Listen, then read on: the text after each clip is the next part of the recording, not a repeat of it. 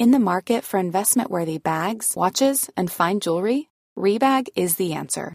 Rebag is a luxury resale platform where each piece is carefully inspected by experts to ensure quality and authenticity. Use Rebag to buy and sell finds from the world's top brands, including Louis Vuitton, Chanel, and Cartier. Head to Rebag.com and get up to 15% off your first purchase as a member with code REBAGNEW. Shop today at Rebag.com. That's R E B A G.com. And use promo code REBAGNEW for up to 15% off your first purchase as a member. I'm Sandra, and I'm just the professional your small business was looking for. But you didn't hire me because you didn't use LinkedIn jobs. LinkedIn has professionals you can't find anywhere else, including those who aren't actively looking for a new job but might be open to the perfect role, like me.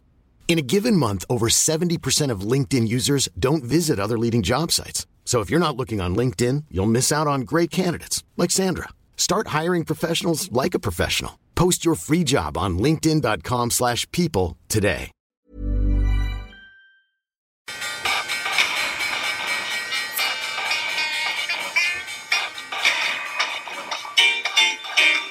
The governments don't rule the world. Goldman Sachs rules the world. Velkommen til den 28. episoden av podkasten 'Tid er penger', en podkast med Peter Warren. Jeg heter produsent Sverre, og i dagens episode har vi en rekke tema. eh, annet en veldig interessant historie om Norske Skog, som det ser ut som mange har gått glipp av. Før vi starter, så skal jeg presentere vår eh, partner i podkasten, som er IG Markets. IG er en nettmegler for private investorer og tradere som er aktive i finansmarkedet, og som også ønsker å ha tilgang til eh, moderne teknologi og plattformer. Hos IG kan du handle et bredt spekter av markeder. Norske aksjer, utenlandske aksjer, long short. Du kan kjøpe diverse råvarer, mest obskure råvarer som appelsin og sukker. Du kan selvfølgelig handle valuta, statsobligasjoner, kryptovaluta og veldig mye annet. Eh, eh, Det er også eh, Mange vil oppleve det som veldig fordelaktig å kunne like enkelt gå short som long. Hvis du vil lese mer om IG Market, så går du på ig.com-no warren. Og i slutten av podkasten så har vi en samtale med Erik Hansen fra IG Markets. Eh, nå skal vi høre et lite utdrag fra den samtalen. Ja, når det handler CFD CFDs och Sigros så, så er det en inbyggd belåning i produkten. Og eh, marginkravet varierer beroende på hvilket papper det handler. Eh, handler det FX till exempel så är det betydligt mycket lägre marginkrav och högre hävstång just för att eh, valutor brukar ha en mycket eh, lägre volatilitet än till exempel aktier eller index. Da er vi i gang med den 28. episoden, Peter. Ja, ikke dårlig. Du er travelt opptatt. Ja, det har vært uh, mye nå i det siste. Enig, enig i det. Du var og møtte en uh, finanscelebritet. Tenk på Nasim. Na- Nasim Taleb. Ja, i går. Det var, der, uh, det var sektorkonferansen i Oslo i går. Og det er vel én av to uh, altså virkelig, virkelig bra konferanser. Altså som ikke er salgskonferanse, for å si det på den måten. Eh, som, som holdes i, eh, i Oslo. Den andre er, eh, er eh, den som oljefondet har. Uh, årlig. Uh, begge er, uh, er Altså, man må inviteres for å, for å få plass der. Um, men veldig bra. Altså, den, den i går hadde jo da flere interessante, men, men Nasim var jo på en måte den, den, mest, den mest kjente. Og jeg trodde først at han var der egentlig for å promotere boken, altså 'Skin in the Game'. Men, eh, men i liten grad gjorde han det. Det, det ble mer som en konsekvens av, eh, eller en følge av, eh, av spørsmål. Men han, han eh,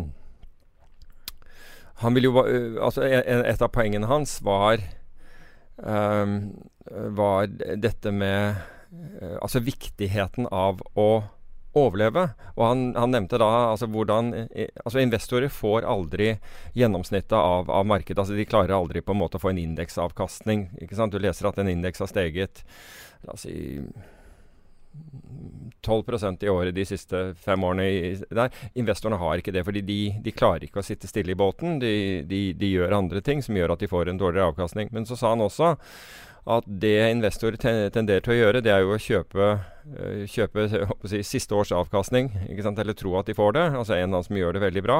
Og gjerne en eller annen ny person som gjør det veldig bra. Og han sa at problemet med det er at er at du, du si, Det eneste du kan si om tradere, det er at hvis de har hvis de har mange år, altså hvis de har vært tradere i mange år, la oss si at de har vært tradere i 20 år, da Altså, da har de vist en evne til å overleve, for det hjelper ikke hvor mye du tjener år én, år to, år tre, og så taper du alt på år fire. Da er du ute.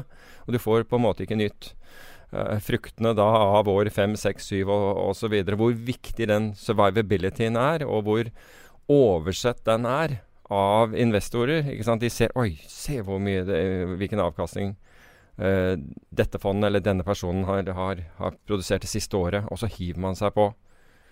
Og så ser man ikke hvordan den avkastningen er, er, skapt, og man ser ikke de, det man kaller hidden, altså de skjulte risikofaktorene. Eller den, det kan være en faktor som gjør at den, det var fantastisk avkastning akkurat det året, og den blir da borte etterpå, eller, eller uh, forandrer seg. Så, så, han sa det eneste gangen du kan si noe om det, det er, det er de som har en lang track record og har vist evne til tilpasning, og, og, og at de kan overleve. Så det var på en måte poenget hans. Men han er alltid interessant å høre på.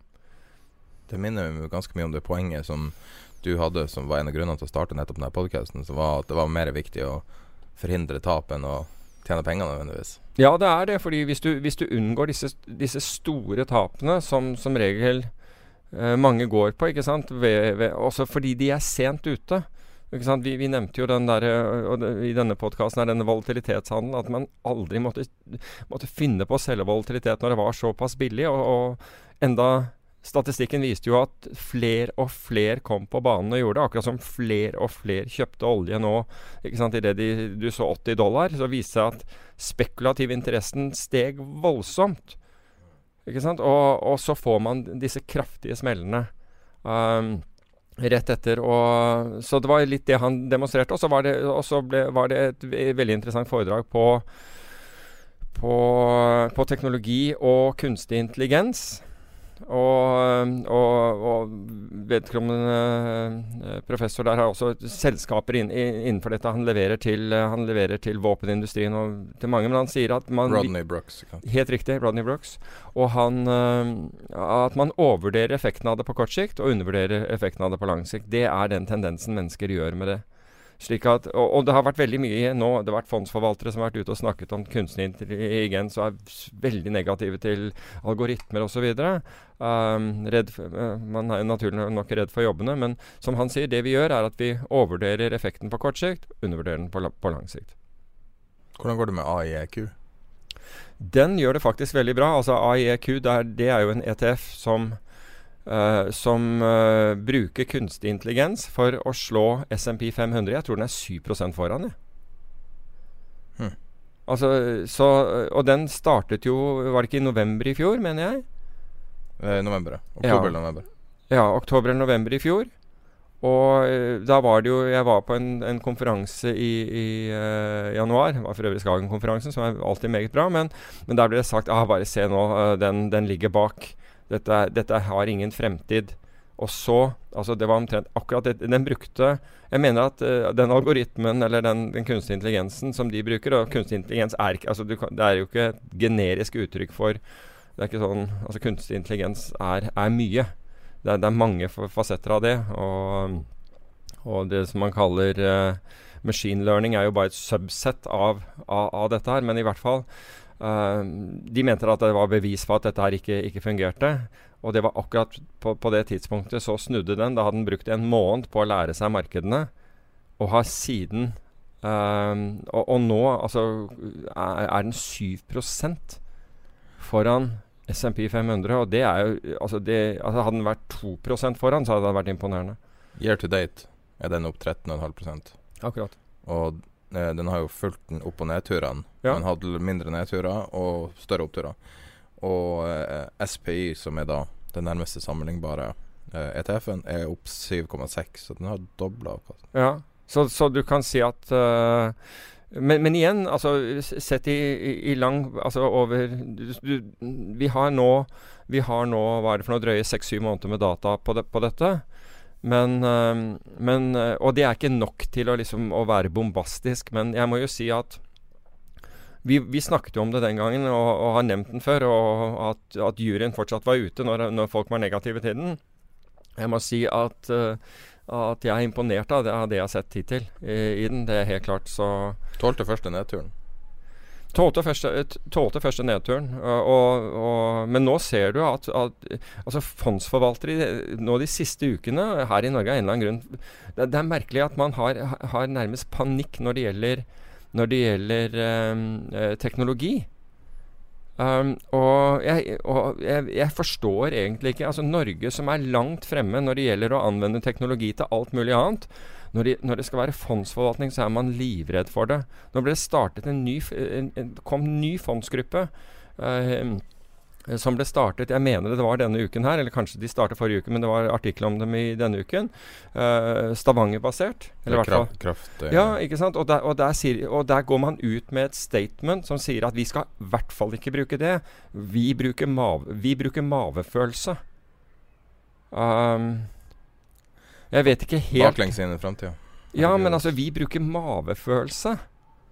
Altså, hva, altså, men hvis du, hvis du, er villig til å la den mavefølelsen din uh, bli testet For her er du forvalter som, som, har mange års erfaring, så la oss teste den der mavefølelsen. Og se hvordan det klarte seg bl.a. når Island imploderte og en del andre ting. Og se om den der mavefølelsen virkelig holdt vann. Mm. var veldig bra. Altså hvis den gjør det Altså tallene Så, så skal jeg um, så, så, skal jeg bakke av med en gang, jeg. Hvis, men, eh, men, spørsmålet er om, eh, om, de, om, den, om den, mavefølelsen uh, er noe annet enn for fordøyelsesbesvær. Hmm. Så uh, du er ikke så veldig bullish på Skagen og Nei, jo, og, altså, det, jo, det, er ikke det at jeg ikke er det, men altså, nå, nå vet jeg at når uh, Altså, det, det, når det gjaldt at Skagen rykket ut mot mot uh, algoritmisk handel osv. Altså, hun, dette var Alexandra Mori, som er finansdirektør, eller investeringssjef der. Uh, og hun rettet det altså Så ble hun angrepet av en professor på NHH. Han kom da umiddelbart tilbake og sa dette her var bare tull.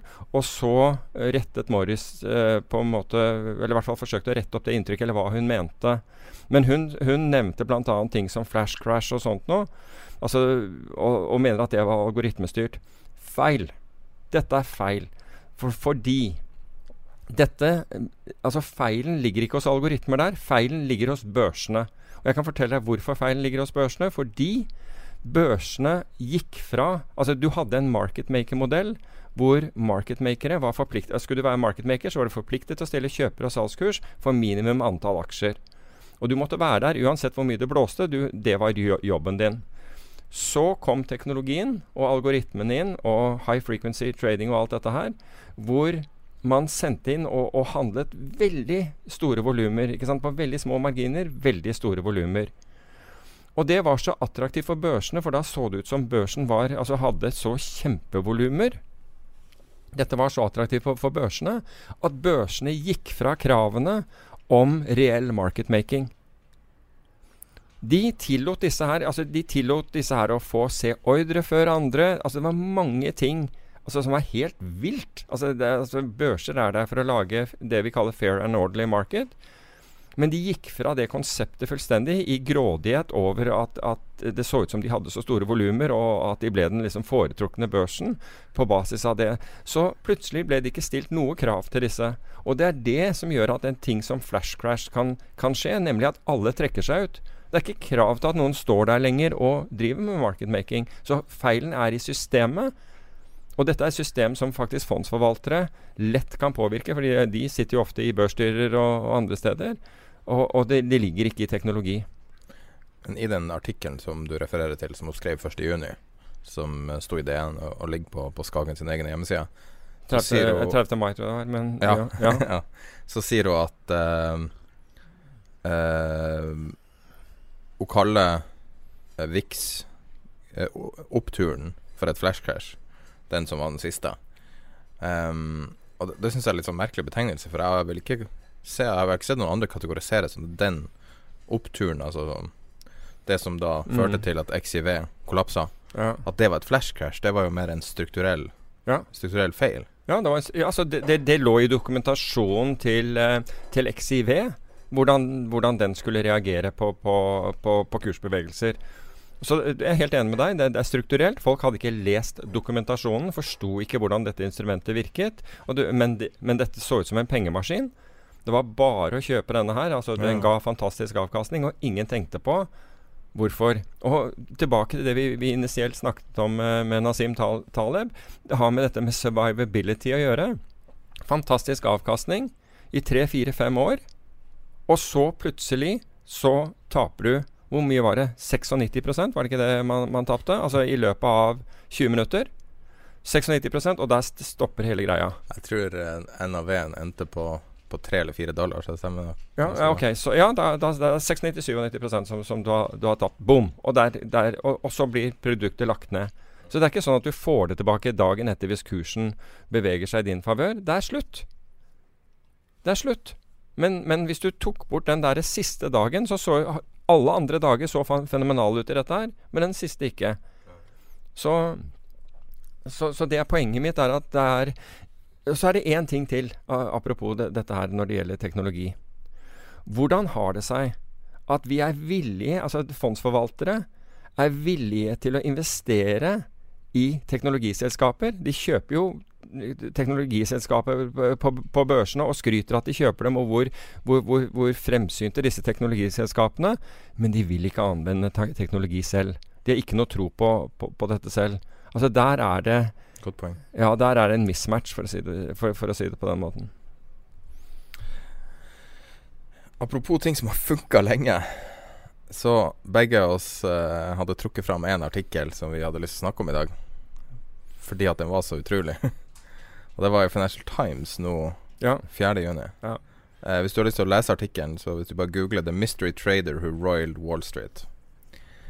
Og det er en story om Blackstone og norske skog, av alle ting. Ja, altså det, det, det, er jo, eh, altså det er jo spennende fordi Igjen, det er Blackstone. Altså det, det, er jo, det er jo nasjonalt spennende fordi det gjaldt Norske Skog. Uh, men det er også spennende for Blackstone er jo et kjempesvært uh, finansforetak. ikke sant? Steve Swartzman. Uh, børsnotert. Oljefondet eier en del av det. og Oljefondet gjør, uh, gjør, uh, har samarbeid med dem. Og så er dette hedgefond-enheten deres, som heter GSO. Um, eh, som, som Akshay eh, Shah eh, driver, og som, altså, som du har den ene forvalteren, og han ser en mulighet. Han og, og det morsomme er at han tar, liksom, han tar andre profesjonelle. Han tar Goldman Sachs og han tar en del, del hedgefond. Han, han, går til, han går via en megler. Og Megleren ringer da rundt til disse hedgefondene og investeringsbankene og sier at de har en kjøper av en CDS, altså kon konkursforsikring, på Norske Skog. Og denne konkursforsikringen, i, i, i, i denne dokumentasjonen, så var det at hvis, hvis de var eh, hvis, de hadde, hvis de var forsinket med oppgjøret Altså du kan si at hvis, hvis de ikke betalte på rett tid Ikke det at de ikke betalte totalt, men hvis de var, hvis de var sene med be be- betaling, så trigget det uh, denne CDS-kontrakten slik at du fikk oppgjør. Det, det er vel det som er credit event, er det ikke det? Som, Jo, sånn at det jo, er en- teknisk default. Ja, en teknisk default. ikke sant? Så det var ikke det at Norske Skog trengte ikke å erklære seg konkurs. Det holdt at, at de var sene med betaling. Ok, så Og de er villige til å betale en bra pris for dette. Så Goldman og masse hedgefond er villige da til å, å, å, å selge, denne her, altså selge denne forsikringen til, til Blackstone. Altså GSO-avdelingen til Blackstone. De kjøper opp dette her. Men så gjør han én ting til. Så når han har kjøpt dette her, så går han til Norske Skog og tilbyr dem et lån til ekstremt gunstige vilkår.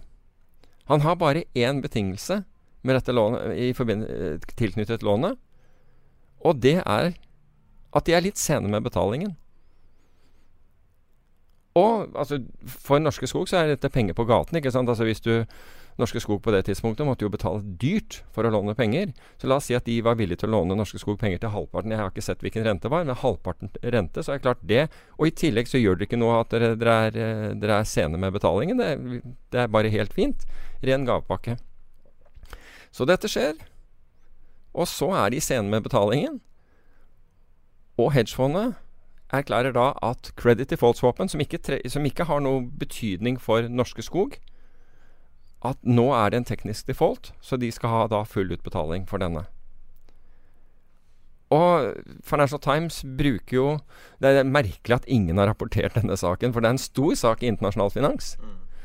Um, men du har ikke sett noe skrevet om det her hjemme. Men, men, men så, så, det som da skjer i dette her, er jo at Financial Times kaller dette det samme som å rigge en, en, en, en fotballkamp, hvor du, du, vedder på at et lag skal tape, og så går du til eh, så går du til målvakten på det laget, og så betaler du han for å slippe inn baller. Fordi altså, er, du, vet, du vet utfallet ikke sant, av dette her. Men greiene er at det, dette her var Altså, ingen har gjort tilsvarende tidligere. Igjen, Finanstilsynet står på, på sidelinjen og skjønner ingenting.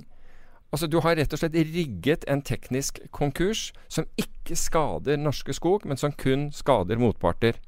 Altså Det ender jo da med bl.a. at Blankfine må ta en samtale med, med, med sjefen for altså antagelig Swordsman. Fordi er no, de er ikke noe glad i dette her, men får da til svar at dere har the big boys letter. Og det, og det, er noe du undertegner hvis du dealer med Goldman Sachs, for de prøver å ta deg på alle mulige måter. Så må du liksom si at du, du skjønner at disse er de smarteste gutta, så hvis noe skjer med deg her, så er det din egen feil. Og da henviser han bare Du, dere har den der, nå får dere bare betale opp. Men det, det gikk jo retten der uh, i London? Jeg gikk jo i retten, men, men, men, eh, men, eh, de, men GSO vant.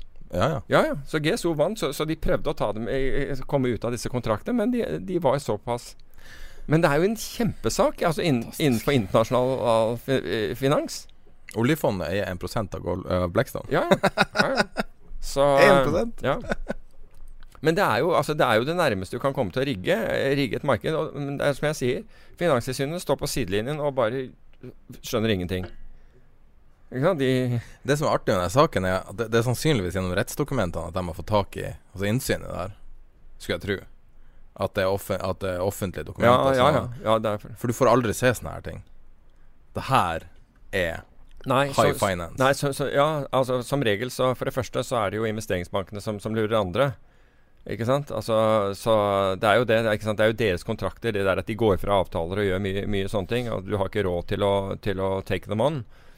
Det er jo det som er ofte ikke sant? Altså Sumi in uh, London Court. ikke sant? Altså Du skal være en veldig stor institusjon for å, for å Altså Libya eh, eh, Libya saksøkte jo eh, riktignok Goldman Sachs, men du, det er oljefondet deres, så er, vi, vi, snakker om betydelig aktør. Så det er ikke hvem som helst som gjør det. Men, uh, men, uh, men her, altså, han så den der muligheten, og ja.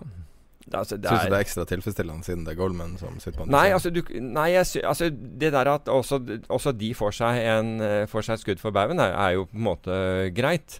Men, men, uh, men Goldman er, altså, har, nå har de smarteste, smarteste mm, guys in the room, de. Ja, frem til nå, da. Ja, frem til nå. Altså nå men du kan si at de, nå, de, er ikke bulletproof, de heller. Men at de da går og, og går til retten og prøver få altså, når, når, de får seg en uh, smell, så nei, da Nei, nå går vi til myndigheter og, og rett. Det er kanskje ikke så kult, men uh, Men det som er så kult med denne storyen, er at Norske Skog var en sånn bare en, en, en hot potato som ble kasta fram og tilbake. Ingenting påvirka. Slutt konka, hadde ingenting med det her å gjøre. Mm. Flere år senere. Mm. Jeg tror det var 16 eller 15 det skjedde. Ja. Det er en stund siden, i hvert fall. Ja. Og 2015, ja. ja. Uh, og um, uh, Norsk Skog klarte å berike seg sjøl på det her med billigere finansiering. Mm. Så, Så alle, si alle vinner utenom Goldman.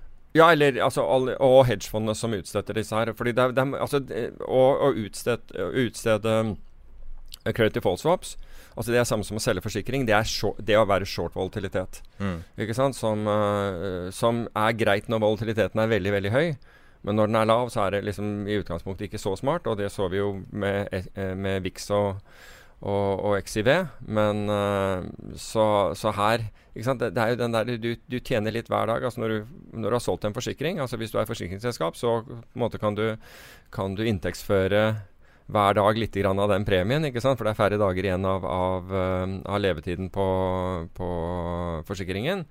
Men liksom hvis én dag skjer, så, så, så, så smeller det. Og da er, da er, du liable, hva heter det for noe? Da er du på norsk? Ansvarlig. Da er du ansvarlig for uh, vesentlig større beløp enn det du har tatt inn som, som premie. Ikke sant? Og vi har snakket om hvordan um, Warren Buffett gjorde akkurat det, det samme. ikke sant? Utstedt og utstedt og utstedt dette her. Og når han plutselig måtte betale, så forsøkte han å få myndighetene til å, til å underkjenne disse kontraktene. Og lykkes heldigvis ikke med det. Men det er en interessant historie. Det er en kjempeinteressant historie. Og nå har den jo nå, altså Det skal mye til å kunne gjøre en sånn sak nå. Men det har hele tiden vært altså Tenk under, under finanskrisen. Da, de, da, da, investeringsbankene som hadde utstedt disse kontraktene, manipulerte kursen på dem. altså slik at Når obligasjonene falt i verdi, når, når, når øh, når uh, kredittverdigheten til, til, alle disse selskapene uh, falt som en sten, og allikevel så steg ikke disse kontraktene i verdi fordi de ble manipulert av, av uh, investeringsbankene. Det er jo en, en helt utrolig historie rundt, rundt, det der. Og vi snakket jo om forrige gang at uh, Vatikanet har lyst disse kontraktene i bann, men det, det var, hadde sikkert noe med hvordan de Du så jo hvordan de beveget seg i forbindelse med Italia og problemene ja. der. Siden sist så har vi jo Altså det er to uker siden siste episode, og to uker og én dag. I mellomtida så gikk EU inne i full krise, og så helt ut av krise. ja, ja, ikke sant. Det tok et døgn. Det tok et døgn. Og det, og, og, og det, interessante med det er at ingenting har jo skjedd i Italia siden. Altså Økonomien til Italia har ikke blitt bedre. De har fått en ny regjering, men, eh, men, eh, men eh, de har akkurat like mye gjeld. De har akkurat like stor, stor andel av, av arbeidsstyrken som er utenfor jobb. Ikke sant? Så det er jo ikke blitt bedre. Og tiårige statsobligasjonen opp en halv prosent. Ja, og, og, og, de må betale mer for, den, ikke sant? for å låne penger nå. Og den, den, er der. Den er like høy, så jeg ja, så ikke Altså, den har jo klatra det siste movene opp. Ja, så, så, så problem ja, altså, Det er litt som å, å, å, klistre en lapp over et eller annet eh, Jeg, jeg hadde en kollega en gang som, som ikke orket å Han hadde posisjoner i noe, han orket ikke å se på det på, på, på skjermen. Det er akkurat det der symbolet. Så han klistra over så han ikke så den. Ikke sant? I håp om at når han tok vekk den der lappen, at, at ting var bedre. En sånn Post-It-lapp, og tok den av og bare Å, gud. Og så satt den på igjen. Ikke sant? Litt fort. Ja, det gikk ikke bra. Eh, Nei, det gikk veldig, veldig dårlig. Hvordan symbol var det? Det var uh, eh, OMX. Opsjoner på OMX. Hmm. Så. Er ikke det når du tar flytog og sånn, så ser man OMX? så ser du overalt. ja, så, men uh, ja. Så han prøvde å løse det med det. Det var ikke noe suksess. Vi har snakka mye om Tesla. Det er ikke så veldig mange enkeltaksjer vi snakker om. Men Tesla har vi snakka litt om, mm. fordi at det var en spennende potensiell short gjennom en litt komplisert opsjonsstrategi. Ja, altså bare for å ta historien der. Det var jo du som var veldig negativ til den. Jeg hadde ikke noe forhold egentlig til det. Men så hørte jeg på argumentene dine, og så sjekket jeg det, det, du sa, faktaene, og da ble jeg faktisk ultraberisk selv også. så, um, så, så, sånn var det det der egentlig kom. Og så, og så sa du hva, vi, hvordan, hvordan, går man short dette her? Hvordan kan man gjøre det? Så det var sånn vi liksom kom inn i hele greia. Ja, Og så konstruerte du en trade ja. gjennom utstede call-opsjoner og kjøpe og selge opsjoner? Ja, vi utstedte en, en, en call-opsjon i halvannen måned for å betale for, for en puttspredd. Altså vi kjøpte en salgsopsjon og utstedte en lenger nede. Så, som, som varte i, i ett år, eller i 13,5 måned. Så, så, så etter 1,5 måned så hadde vi ingen risiko. Altså ingen uh, nedsiderisiko på traden, fordi denne her var, var, gratis. Da var den gjort. Uh, det vi hadde utstedt callen for, den callen fall, forfalt verdiløs. Slik at uh, Og den betalte for, denne, for, den andre opsjonskombinasjonen.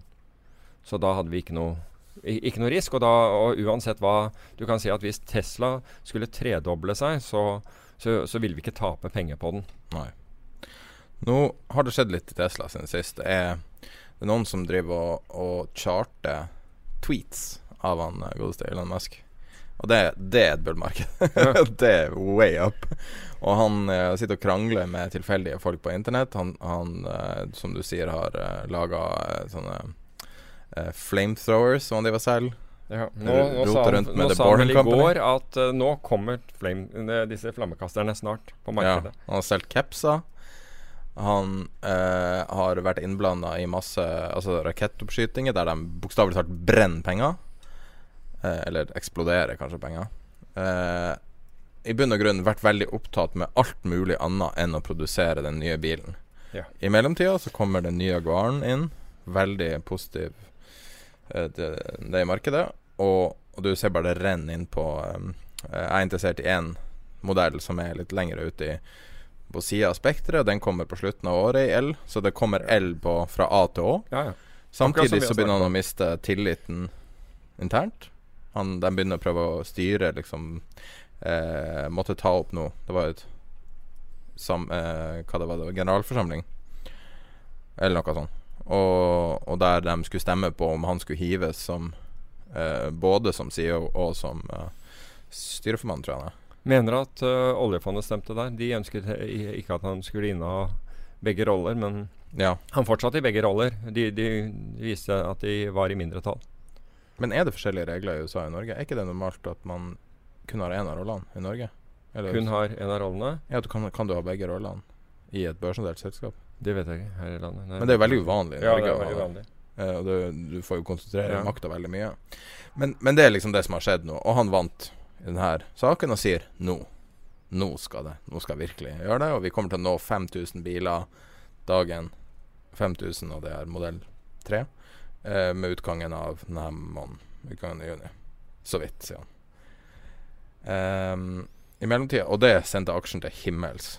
Og det var jo Eh, jeg advarte på Facebook-gruppa om at det var muligheter for short squeeze siden det var så utrolig stor andel utlånte aksjer til shortsalg. Og det Vi har ikke fått ny statistikk på det sist vi gang man har statistikk på det. 31% av aksjene er utlånt til short. Og så steg jo aksjen 28% på en dag. Helt vanvittig for et så stort selskap. Ja, var den ikke over 9 ja, Den var over 10% en stund. Ja, ok. Ja. Way up, i hvert fall. uh, og mange peker på det som en short squeeze, ikke re en reell opptur. Så det er spørsmålet Hva tror du om det som skjer nå? Altså, jeg, jeg, jeg, tror at, uh, at, det høyst sannsynligvis er en, en short squeeze. Og, og, den er jo klart den er smertefull. Altså Hvis en aksje går 10 på, på dagen, så blir du altså, så, Og du ikke er godt kapitalisert. Derfor så gjør vi ting gjennom opsjoner. Det er hele poenget. altså Hvorfor vi har snakket om akkurat å bruke opsjonsstrategier fremfor å, bruke, fremfor å låne inn aksjer og gå short. Altså Bare se på Norwegian. Uh, men, men, jeg tror at det der er en, uh, en short squeeze. En forbausende uh, sterk en, men, men, fra alt jeg har sett, så bare gir det en ny altså, mulighet for de som eventuelt ikke er på banen, til å, til å, til å komme på banen og shorte denne aksjen. Altså, det er ingenting jeg har sett der. Det er ingenting. Vet du hva? Altså, jeg, jeg var i, um, i Edinburgh denne uken her og besøkte en, en stor fondsforvalter der.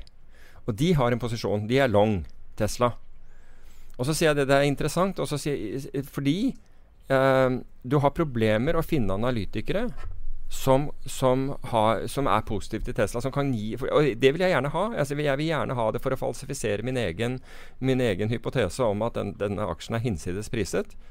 Uh, dette, dette, selskapet har vært mye mindre. Det har vært greit å høre argumentene. Disse her de er store. Kjempestore. Og, de, og de, en av deres viktigste posisjoner er det.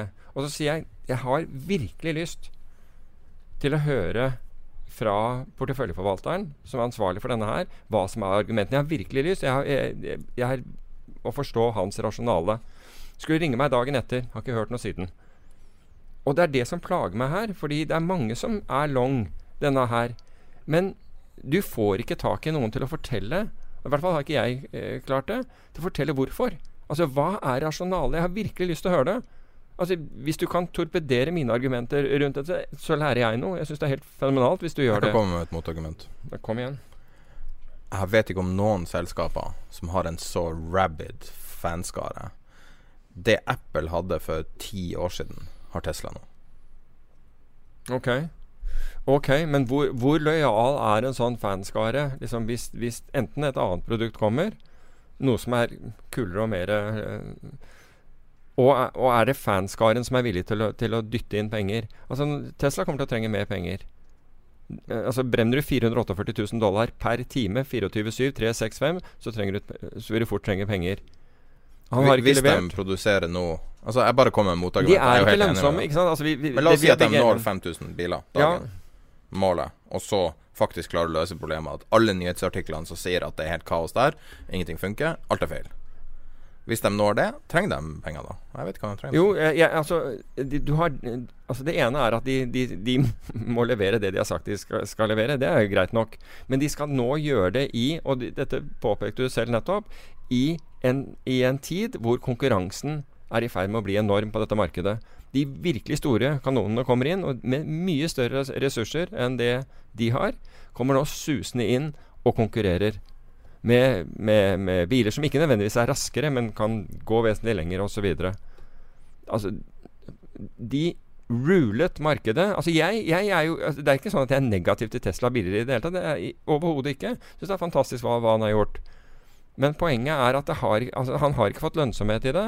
Og nå kommer, nå kommer konkurransen. Og det kommer i en periode hvor han ikke er, har vært i stand til, til å, å levere. Og den konkurransen som kommer, de er fra de store gutta med enorme ressurser. Så han kommer ikke til å opprettholde noen markedsandel og, og, og klare å holde det, i dette her uansett. Det er derfor jeg ikke forstår Men jeg, skal, men jeg er villig til å, til å debattere det. Jeg er villig Men til å bli eh, opplyst igjen med djevelens advokat. Nå er det jo jeg som opprinnelig var negativ, Ja. fortsatt veldig negativ. Men med djevelens advokat. Et annet argument er at den opprinnelige planen til Tesla, hvis du bør gå tilbake, var produsere den dyreste bilen først. En liten sportsbil som basically var en Lotus. Mm. Eh, veldig lite av dem, deres energi gikk inn i den. Uh, så går du til neste, som er en luxury sedan. Jeg vet ikke hva, er, hva den klassen heter i Norge. Um, luksusbil. Uh, koster det samme som, som mer eller mindre de dyreste bilene i USA. De skulle bruke de pengene til å subsidiere massemarkedet, og så i mellomtida kom den der modell X, som var litt sånn eh, I retrospekt så kan det være den som er det største problemet deres. For den, de mista masse momentum med å lage en bil som var unødvendig komplisert og veldig lav kvalitet. Det er jo den bilen som har lavest kvalitet av alle biler som selges i USA. Virkelig? Størst, feil, størst feilprosent av alle biler som selges i USA. Og, men hvis du ser på det de, de opprinnelig hadde som plan, så var det de skulle bruke alt det der for å subsidiere massemodellen. Og det var modell 3. Og deres ønske var at alle skulle begynne å lage elbiler. Fordi at markedet skulle bli et elmarked. Og alle kom til å vinne på det. Og det er jo et, et logisk argument, og da vil jo konkurransen ha mindre å si. Hvis de har en nisje, sånn som Apple har en nisje. Apple er jo ikke størst på, på datamaskiner i det hele tatt. Men de er jo veldig attraktivt i forhold til Mm. dem. De tjener jo veldig mye penger per maskin. Mm. Men, men de, altså jeg tror de hadde en nisje, og, og, men eh, altså jeg, nå tror jeg den, den er under, under kraftig angrep. Kjenner du noen som har Tesla? Ja, ja. Hva de snakker om mest? Uh, nei, det, det er akselerasjonen. Altså det er, Ja, men de snakker og- og om. Tesla mye.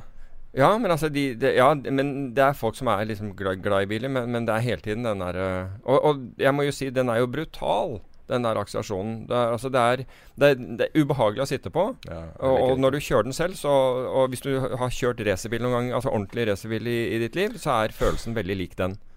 Den er helt brutal.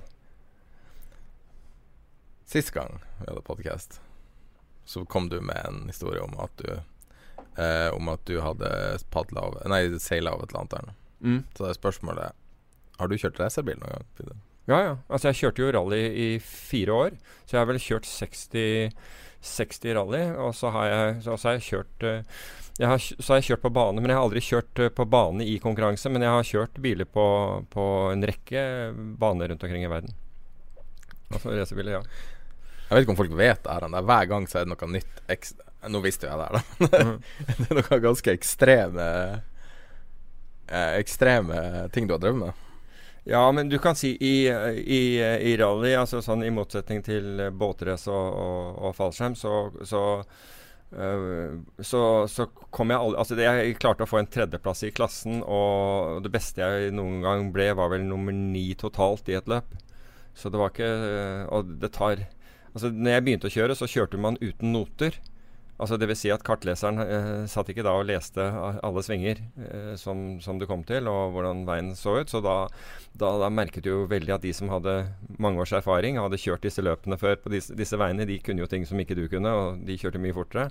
Men så kom noter i eh, det tredje og fjerde året. Da kom notekjøring, og da plutselig begynte du å hevde deg, for da da hadde ikke de den, den store fordelen, og da, da gjaldt det jo bare å, å, å stole på, på kartleseren. Hva du kjørte en Lancia Integrale? eller? Nei, jeg kjørte en Mazda Den raskeste jeg kjørte, var en Mazda 323 som turboladet firehjulstrekk-sak.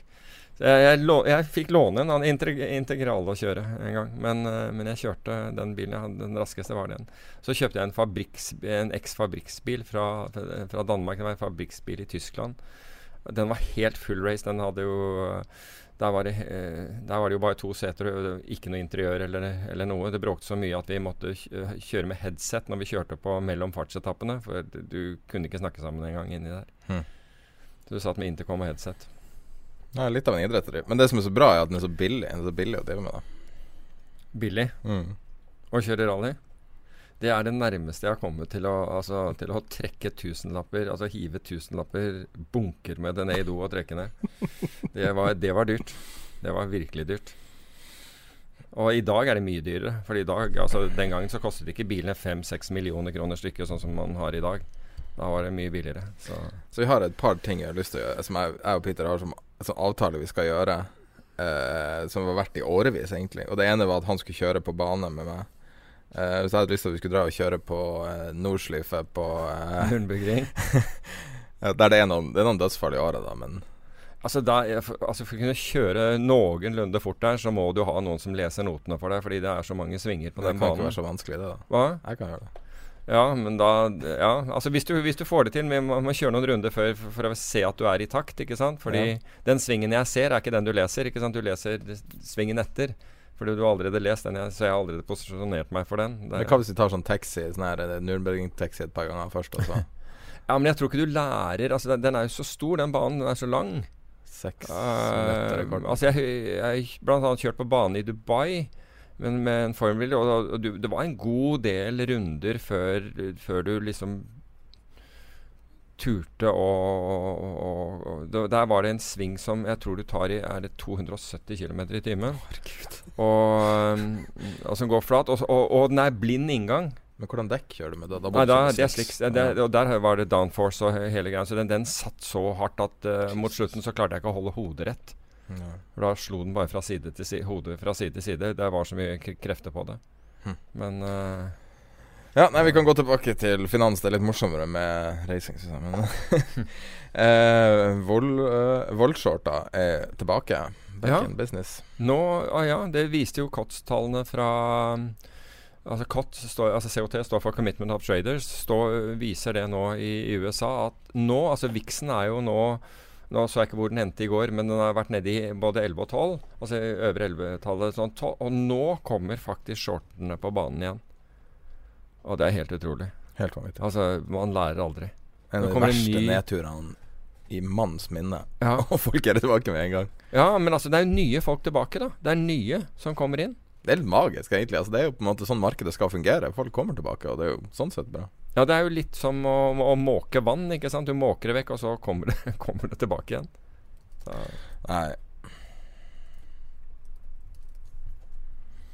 Eh, og det, forresten, jeg må bare Det er en felles, eh, en felles bekjent av oss, en sveitser, sa forleden dag Uh, på, på Twitter hadde da vært og, og snakket med, med noe hedgefond, og, sånn, og, og så hadde og, og spurt hvilken, uh, hvilken edge de hadde, altså hvilken markedsfordel uh, de hadde. Og så sto det på Twitter Nei, eh, skrev hun. Når, når du får spørsmål om hvilken markedsfordel, altså hvilken fordel du har i markedet, så er ikke riktig svar Twitter. det syns jeg var bra. Utrolig godt sagt. Da er det naivt.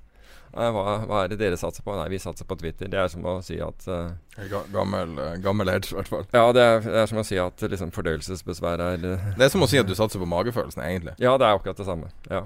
Så jo lykke til med kraftfond.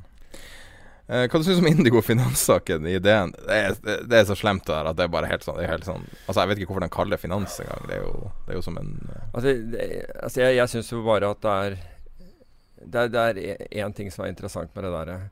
Ifølge Finanstilsynet så fikk de bekymringsmeldinger om dette selskapet i 2012. Vi er i 2018 før noen reagerer. Og hvem er det som reagerer? Det er jo ikke Finanstilsynet. Det er DN som har funnet ut dette her. Så de har da fått bekymringsmeldinger hele tiden siden 2012 og sittet på gjerdet. Fordi de mente, fordi det var spørsmål om dette her var et regulert selskap eller ikke. altså Om, om det ble omfattet av Finanstilsynet. Så de, vet, de har visst hele tiden at det har vært noe gærent. Har ikke gjort noe. Det er litt som Altså Se for deg at um, at en politipatrulje kjører nedover, kjører inn i et villaområde og så, på kvelden, og så ser du et hus i brann. Og så jøss, her brenner det. Og så sier, så sier makkeren din ja ja, men vi er, vi er jo politifolk, vi er ikke brannfolk, så vi kjører bare videre. Det er Finanstilsynet i et nøtteskall. Eller italienske politifolk i et nøtteskall. Det er helt utrolig. Det er helt utrolig. Ja. Men ære være DN for liksom at de, at de flott, går etter. Flott serie med og nå, nå, jeg, nå, nå, så jeg at, de, at, det var et annet selskap som jeg aldri har hørt om, som er lignende. Men greien her, alle vet at det har funnes en gjeng med sånne bucket shops i, i, i Oslo. Men det har bare ikke blitt gjort noe med. Altså, DN har gjort så god jobb det siste ja. året, vil jeg si. De har så mye De har et sånn lite sånn her investigative reporting-team som ja. har gått helt Ingen har fått det med seg at det har kommet. Og det som hvis du husker i gamle dager med Kapital, når de brukte å ta store og ha sånn Hva det var, heter de her selskapene, de som havna i fengsel? Eh. Altså Sånn det var i gamle, gode gamle dager med pressen. Ja. Så det er litt sånn oppløftende at Finance Credit. Finance credit ja, akkurat, ja. Uh, ja, men det, det, er veldig bra. Men, men hvor er de Altså, det du kan spørre om, hvor er de som er betalt for å, for å sørge for at ikke eldre taper pengene sine? Altså, hvor mange har tapt penger på dette her siden 2012? Mens, mens, de har sittet stilletiende og sett på dette, dette, skje. Mens de har lurt på om ah, er dette noe som vi har noe med å gjøre eller ikke. Ja, Fantastisk. Forferdelig sak. Ja. Men, men, det altså, jeg tenker tilbake Det er jo Det her er den femte eller sjette sånne saker med sånt som går etter svake. Mm. Hundrevis av millioner. Ja. Tragisk. Det med Deutsche Bank eh, det er noe som på en måte har gått litt under radaren. Fordi det, har, det er en sånn her en sånn kvern som har gått i årevis, der bare verdier bare erodert. Markedet har steget, og Deutsche Bank sakte, men sikkert bare går veien mot null. Ja, altså Det har jo ikke gått hus forbi internasjonalt. Det har vært mye i, i internasjonal eh, finans om, om, Deutsche Bank. Mange som ikke vil ha dem som motpart, bl.a. osv. Så Såpass? Ja, ja. Uh, det var Apropos det, på, på, på, uh, på, på sektorkonferansen så var stod jeg og snakket med noen utlendinger, og så var han ene som har sagt ja, vi, vi, vi flytter greiene våre over til Eller det var norsk som sier, vi flytter tingene våre over til, til Deutsche Bank nå. Og da reagerte mange andre og sa er du helt sikker på at det er smart? Wow. Uh, ikke sant? Fordi altså, Deutsche Bank har jo blitt, blitt omtalt som, på, som Kan det bli det nye Lehman? Ingen trodde det om at limen skulle bli, ha, ha det endeliktet. Men hva er det som ligger i grunnen? Det var noe, jeg hørte så vidt snakk om noen som, at det var noen kompliserte derivater som lå ja, Er det det som er Ja, altså det, dette har jo med, altså Sagt på en annen måte så har det jo med giring å gjøre. ikke sant? At banken har en kraftig giret balanse. Mm. Og så hadde man holdt Og så var det masse derivatkontrakter som de hadde tatt penger på, som var holdt utenfor balansen, og som plutselig da noen oppdager at Hør her! De forpliktelsene her, da. Hvorfor er ikke dette tatt med? Og så, liksom, og så begynner man å se på dette her. Og de som har Deutsche Bank som motpart, sier at vet du hva, altså, dette her er jo ikke bra. Vi trenger mer sikkerhet. Deutsche Bank har ikke penger å, å, å stille som sikkerhet. Og, så begynner dette. Men nå er det jo da mulig at altså, i, Det var vel i denne uken, tidligere var det ikke det? Tidlig denne uken, eller var det i forrige, jeg husker ikke, hvor, hvor, uh, hvor det var mulighet for en fusjon med med um, Commerzbank. Det er vel det andre eller tredje gangen de driver og snakker med Commerzbank er jo ikke sikkert dem Det er dem som nå sier de ikke vil ha Mm. Uh, altså Det blir jo en slags sånn bad bank, nesten. altså, ja, jo, ja. Og Kommersbank har jo masse derivater sjøl også, så gud vet hva det er som ligger under overflata. Ja, Commerzbank Alle altså, andre banker, hva skal ligge der? Men Forskjellen mellom Kommersbank og, og, og, Deutsche Bank er jo at Deutsche Bank er mer sånn, altså går jo mer mot de store institusjonene. Uh, store finansinstitusjoner som motparter og banker som motparter. Mens Kommersbank driver jo og selger drittprodukter til eh, enkeltpersoner. Ja, men, la oss kalle en spade for en spade. Altså Bare se litt på, det, på, på, på noe av det der de holder på med. Men at de er store i warrants? Ja, eksempel. Se på prisene. Se på prisene på det. Ja, da Nei, ikke bra. Eh, det jeg lurer på er Var jeg litt for direkte nå, mener du? eller? Nei, jeg bare sitter og Jeg liker det. Drittprodukter til privatpersoner, det oppsummerer mye finans. Ja, ja, ja. Jo, men ikke sant? Altså, hvis en bank gjør det, så er det jo ingen som bryr seg. Ikke sant? Da blir i hvert fall ikke Men spørsmålet er det her canary in the mine? Er det, er det her et tegn på hva som kommer, når et så stort selskap ikke klarer å regne riktig? Eller time riktig? Nei, altså det er, det er jo Regne riktig har de Altså, jeg, jeg vet ikke. Altså, de, alle har jo vært risikovillige i, i perioder. Altså, problemet med mange av de europeiske bankene er at de har jo ikke kommet seg etter, etter finanskrisen. og det, Hvis du ser på, på bankindeksen, europeiske bankindeksen, så ser du jo det. Den er, har en helt annen utvikling enn f.eks. den amerikanske. Eller for, for så vidt liksom de, de eh, nordiske bankene. Så de har liksom ikke kommet opp av den. De hadde jo mye høyere belåning idet man gikk inn i, i finanskrisen. De har fortsatt mye høyere belåning. altså Selv om belåningsgraden er gått fra noe sånt som 12,1 altså 12,1 til 1 ned til 5,4 til 1 eller et eller annet sånt, så er den fortsatt den høyeste. Eh, Ikke sant? Og, og, og det gjør jo at amerikanske bankene har lavere, og andre har lavere. Og det gjør jo fortsatt at de, de henger etter med, med for, for, eh, for girede balanser. Og da er, man, da er det veldig skjørt. Hm. Da er systemet veldig skjørt. Og det, det er ikke for ikke noe at ECB er så aktive med, med sine kvantitative lettelser. Det er jo liksom for, å, for å prøve å, i håp om at balansene skal styrkes i disse bankene. At, at dritten de sitter på, eh, skal få en, liksom, skal få en verdi igjen. At de ikke, ikke sant? Altså, du prøver å forlenge dette så mye du kan i tid. Og det klarer du ikke sant, når du sprøyter inn penger. Sprøyter mer og mer penger inn i økonomien. Da, da skyver du ting ut i tid. Husk på det der eksperimentet. Det var en av dem som sa at jeg til kjedsommelighet nevnte dette med jeg tror det var på Twitter, og har sikkert rett i det. Um, Kjedsommelig nevnte dette med, med de kvantitative lettelsene. Men, men alle som har vært, i, eh, har vært en stund i finans, vil være enige om følgende, og det er at vi har aldri sett vi har aldri gjort et lignende eksperiment i finans, altså som er størrelsen på disse kvantitative lettelsene, og følgelig vet vi ikke utfallet. Det er ingen som er sikker på, på, på utfallet av dette. Alle håper at liksom verden skal ha normalisert seg før neste nedtur. Og så bidrar man ved, å, ved de kvantitative lettelsene å skyve nedturer lenger og lenger ut i tid, i håp om at enten det skal bli bedre, eller at du selv har gått av, og det er noen andres problem. Det er den typiske amerikanske modellen. Ikke sant? Du bare gjør det, så er det den som overtar, får, pro- får problemet. Så vi får, vi får se hva som skjer. Game of hot potato. Ja, det er det. Det er det. På globalt plan. Gjorde du noe trade på kaffe og kakao? Du snakka om det for lenge siden. Ja, ja altså jeg, det- Eller var det en papirtrade? Nei, nei, jeg gjorde det. Um, og det, altså, det som skjedde i altså, Du begynte med å påpeke om, om jeg visste hvilken råvare som hadde gått best. For råvarekomplekset har jo, gått, har jo vært sterkt i år. Og jeg visste ikke det, og så viste hun meg at det var kakao. Og så begynte jeg å gjøre litt research på kakao, og så så jeg at kaffe var på en måte helt på den andre enden av det. Og så jeg, og så lekte jeg liksom med, med, med, med tanken på, på uh, faktisk å skrive en blogg. Men jeg kom aldri til å gjøre det, fordi jeg hadde for mye å gjøre med å etablere dette her. Um, uh, jeg hadde tenkt å kalle den kaffe, kaffe mokka. Hvor spredden mellom kakao og kaffe så så jeg hva var, blitt så stor. Nå er jo, altså, de er jo ikke relaterte, egentlig.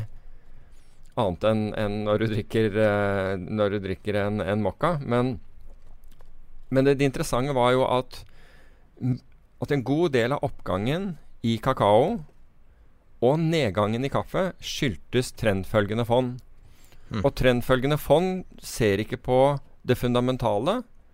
De ser bare på at trenden går opp, så de kjøper. Og, og når disse store fondene kommer inn, så beveger de ofte kursene for langt. Akkurat som det skjedde i olje, vi, vi, vi snakket om, så skjer det der også. Og Derfor så syns jeg det, Dette var i midten av mai, og, det, og, og, um, og derfor så syns jeg det kunne være en interessant trade. Du var short i midten av meg. Short kakao, long, uh, long uh, kaffe. Ja. Det er ganske tydelig graf her, altså. Nei, Bare min, minne deg på grafen. ja, den, så hvis du har lyst til å se kakaografen, så vet jeg Ja. eh, fin, Finvis, finviz.com, der har de mange fine futuresgrafer. hva er- hva- F1 VIZ.com. Det er veldig bra for å følge futures-markedet. Ok, ja. Så hvis du bare trykker futures der, så Ok, finnes. Det er Um, ja, en billig så- løsning for å tracke markedet også. Uh, men eh, der, eh, der ser du tydelig. Det er opp volum og en rett strek nedover. Så, ja, så, så Og det, det var, jeg hadde jo begynt å skrive, for jeg tenkte å, å, å skrive som, som blogg også. Fordi det er av og til morsomt å skrive om, om sånne muligheter som, som dukker opp. Men, men før jeg hadde den ferdig, så var vi liksom såpass mye på vei ned at det var ikke noe vits i å skrive om. Eh, men det er jo da FT sier at, uh, at det er mer eh, Altså, futures-markedet har jo vært et resilient marked for pit-trading. Det har jo hengt igjen. Og du har hatt noen lean hogs og sånne type Ja, ja. rare ting å Ja, trade. Men nå ser det ut som datamaskiner har Ja, du kan- det markedet. Ja, men du, du kan si at du har jo fortsatt pit-trading der, men, uh, men du får jo handlet alt på, på skjerm også. Vi handlet jo alt dette her på, på skjerm. Det som vi hadde problemer med å handle på skjerm, var, uh, var f.eks. opsjoner i olje. Det måtte vi Ja. Ja, det måtte gjøres i pitten. Wow. Hva uh? Eh, ja, hva sier du? Hvordan årstall? Ja, det er ikke så langt tilbake at, den, at opsjonene må, var, var pit-tradet. Men så fikk, vi, så fikk vi en interdealer broker som, eh, som hadde kontor i London og, og USA. Og, og, og, de, og de ville da kalle ut til de store investeringsbankene og si Fordi vi gjorde ofte kombinasjoner av opsjoner. F.eks. kombinasjoner av oljeopsjoner. eh, og sånn, Så ville de kalle ut og så be om priser på det, og så handlet vi på de. Men etter hvert så fikk vi, vi, vi software som kunne gjøre det der selv, slik at vi, vi eh, kreerte våre egne spredder. Ah, så, så, f- så f.eks. hvis du handler da La oss si at du handler olje, spot-olje i forhold til eh, desemberolje, da. Ikke sant? Desember 2020 mot, mot, uh, mot uh, desember 18 eller noe sånt noe. Ikke sant? Det, det er jo en spredd. La oss si at den spredden er på f.eks. på 10 dollar, da. Så hvis du skulle gjøre den spredden før, så måtte du da f.eks. selge selge olje for levering i desember, og så måtte du samtidig kjøpe. Klikke på de samtidig. Kjempevanskelig, ikke sant? fordi de ofte flyttet seg i takt. Men så fikk vi tak i eh, software som da stilte pri hvor, du så bid-offer på spredden hele tiden. Og du kunne også legge inn selv, slik at la oss si at den spredden var rundt 10 dollar, da. Og jeg hadde håpet å kjøpe den på, på 9,75, ikke sant?